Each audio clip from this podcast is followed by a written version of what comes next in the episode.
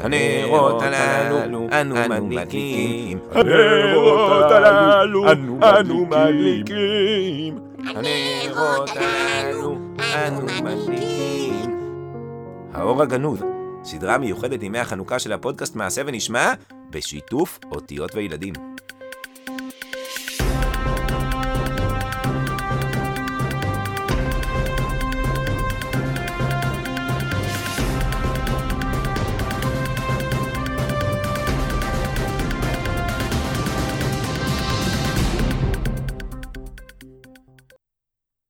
חנוכה שמח! מה שלומכם? איי איי איי איי איי, כמה שאני מקנא בכם. אתם בטח יושבים עכשיו ליד הנרות, או אולי נוסעים לאיזה טיול, או עושים משהו כיף אחר. ואפילו אם אתם יושבים עכשיו ולא עושים שום דבר, בטוח כיף לכם יותר ממני. השנה חנוכה נהרס לי עוד לפני שהוא התחיל. אל תשאלו מה קרה. נו, תשאלו למה, תשאלו מה קרה. או, טוב ששאלתם. אז ככה, קורה לכם שאתם אוהבים לעשות משהו, מפתחים איזה תחביב, ואז פתאום הופכים אתכם לאחראים על התחביב הזה? נגיד, מישהו אוהב לשחק כדורגל. אז המורה לספורט אומר לו לארגן טורניר כדורגל. בסוף, כולם נהנים על המגרש, והוא צריך להיות השופט. או לחשב את התוצאות, או לקנות פרס למי שזכה במקום הראשון. נו באמת.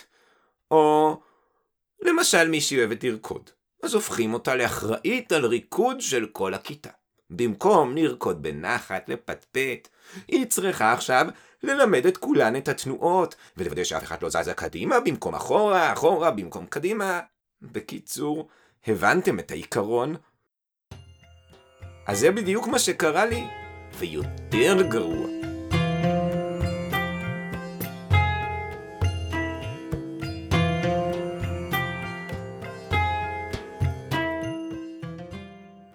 אני אוהב לעשות הצגות. למשל, אני יכול לעשות הצגה על האריה שאהב תות, ולהישמע כמו אריה מפחיד. לא פחדתם? או לעשות הצגה על חתול במגפיים. ולהישמע כמו חתול. אני גם יכול לעשות הצגה על אליעזר והגזר, ולעשות קולות של גזר. בעצם, איך נשמע גזר? טוב נו, לא משנה. העיקר הוא שאני אוהב לעשות הצגות. והכי אני אוהב להשתתף בהצגת חנוכה, שמארגנים אצלנו בשכונה כל שנה, בערב האחרון של חנוכה. הבעיה היא שמשום מה הטילו עליי השנה תפקיד נורא ואיום. להיות האחראי על ההצגה. אני צריך לא רק לשחק בהצגה, אלא גם לכתוב אותה. מאיפה אני יודע איך כותבים הצגות? ולמה זה נורא?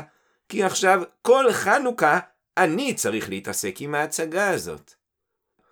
כך יצא שישבתי בערב חנוכה לפני הדלקת הנר הראשון וניסיתי לחשוב על רעיון להצגה. לפתע שמעתי קול חרישי. מישהו מתקרב אל החדר. לא, מישהו נמצא כבר בתוך החדר. אני שומע רשרוש מאחורי השולחן. מה זה יכול להיות?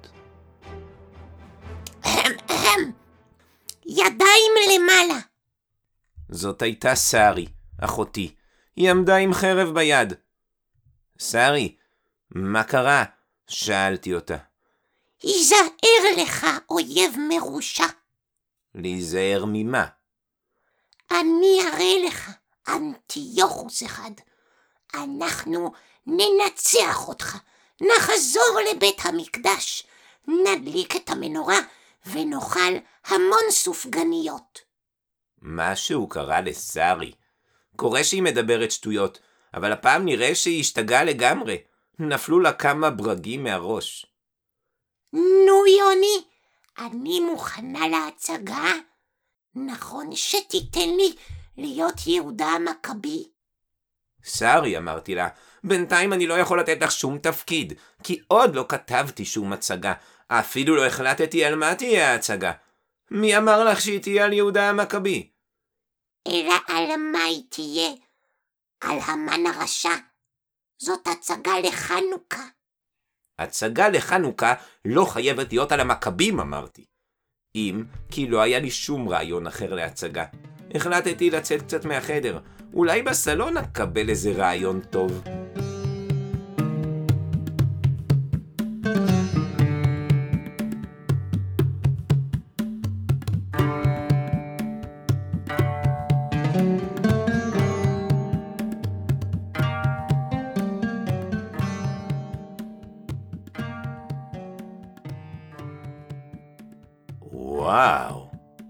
תאמינו מה ראיתי בסלון שלנו.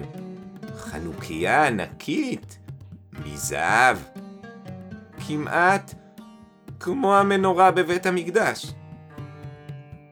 מרגע שראיתי אותה, לא הייתי יכול לזוז לשום מקום. רק הסתכלתי על העיטורים שלה, ועל הקנים היפים. בחיים לא ראיתי חנוכיה כזאת, אפילו לא משהו דומה לזה. ניסיתי להיזכר אם השתמשנו פעם בחנוכיה הזאת. כנראה שלא השתמשנו, אחרת בטוח הייתי זוכר. אם לא השתמשנו בחנוכיה הזאת אף פעם, מאיפה היא צצה פתאום? אבא ואמא קנו חנוכיה חדשה?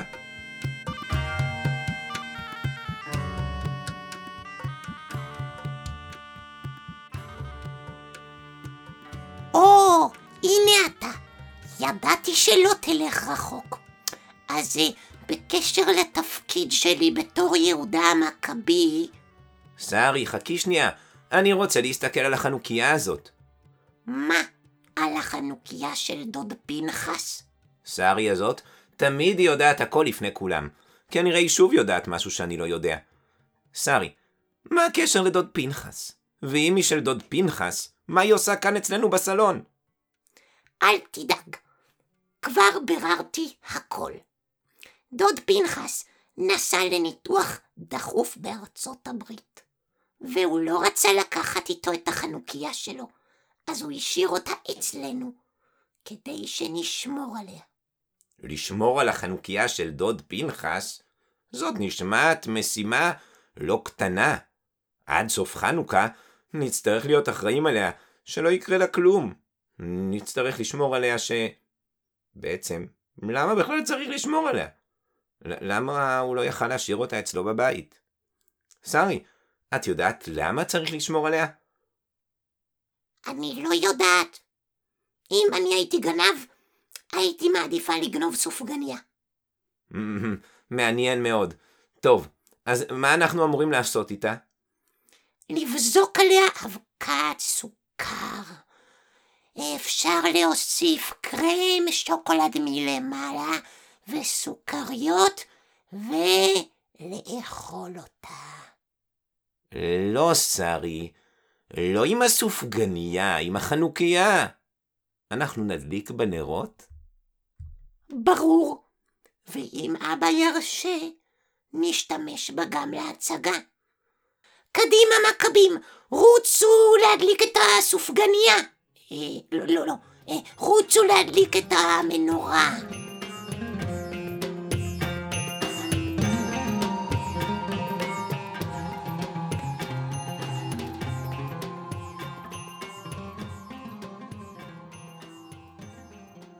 יופי.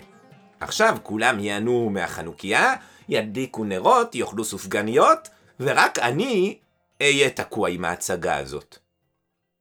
רגע, יש לי רעיון.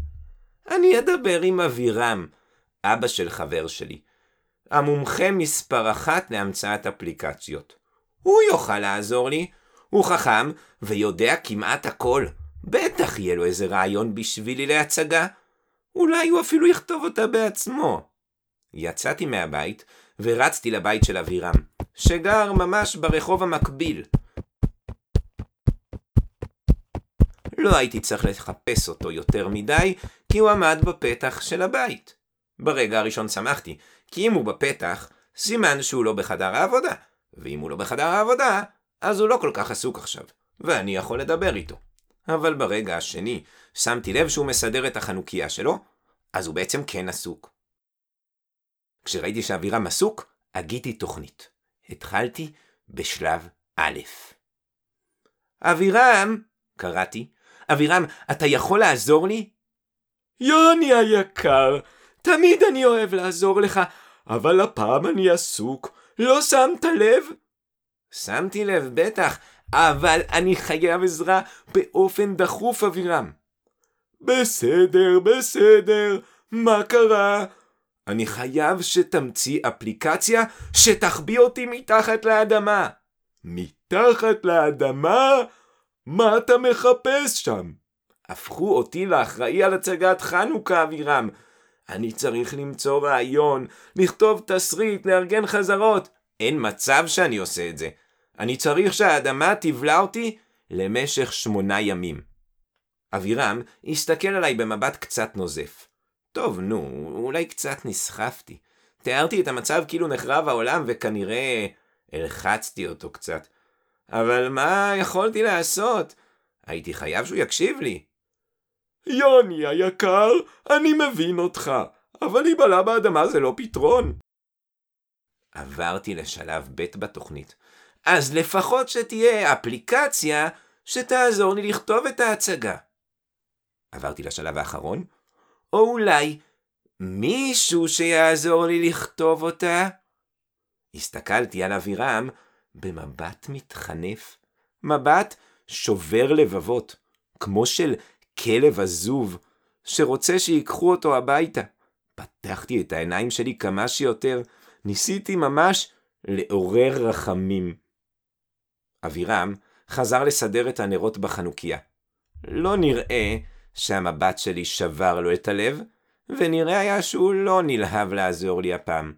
הוא לא הסתכל עליי, רק דיבר לעצמו. אפליקציה שתכתוב הצגה. נו, באמת, אפליקציה שתכתוב הצגה. איזה רעיונות יש לך.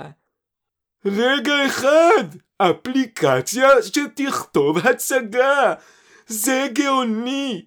שמע, יוני, לפעמים יש לך רעיונות נהדרים. אל תדאג, ידידי הצעיר. חכה רק עוד יום אחד, תהיה לך הצגה על כף היד.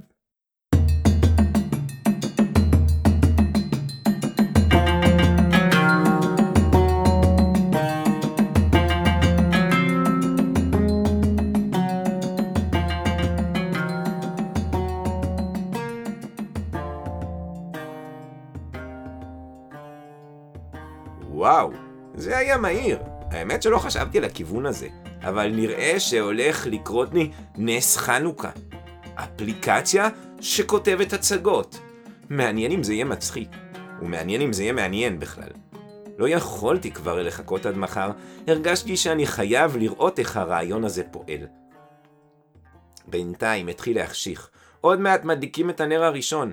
הגעתי הביתה, וציפיתי לראות את אבא מסדר את החנוכיה המוזהבת. אבל, מה שראיתי היה משהו אחר לגמרי. משהו קצת חשוד.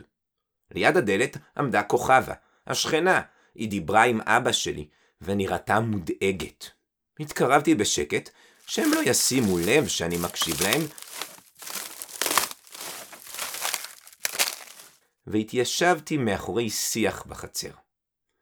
אבא אמר שהחנוכיה מזהב היא שלנו, והוא לא יודע מה קרה לחנוכיה של כוכבה. כוכבה אמרה שהיא לא מבינה איך זה. החנוכיה שלה הייתה על עדן החלון, ופתאום היא נעלמה. רגע, מה זאת אומרת? יכול להיות שמישהו באמת גונב חנוכיות?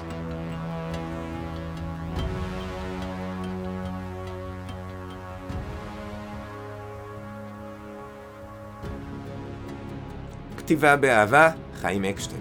קריינות ועריכת סאונד, אל נתן בראלי. תמיכה טכנית וכל מה שכרוך, עמיעד בראלי. אתם מוזמנים להירשם לרשימות התפוצה שלנו בכל יום בחג החנוכה. יצא פרק חדש בסיפור המיוחד הזה. אתם יכולים להקשיב לנו בהדלקת הנרות בנסיעות, או בכל זמן אחר שטוב לכם. שלום שלום וחג שמח.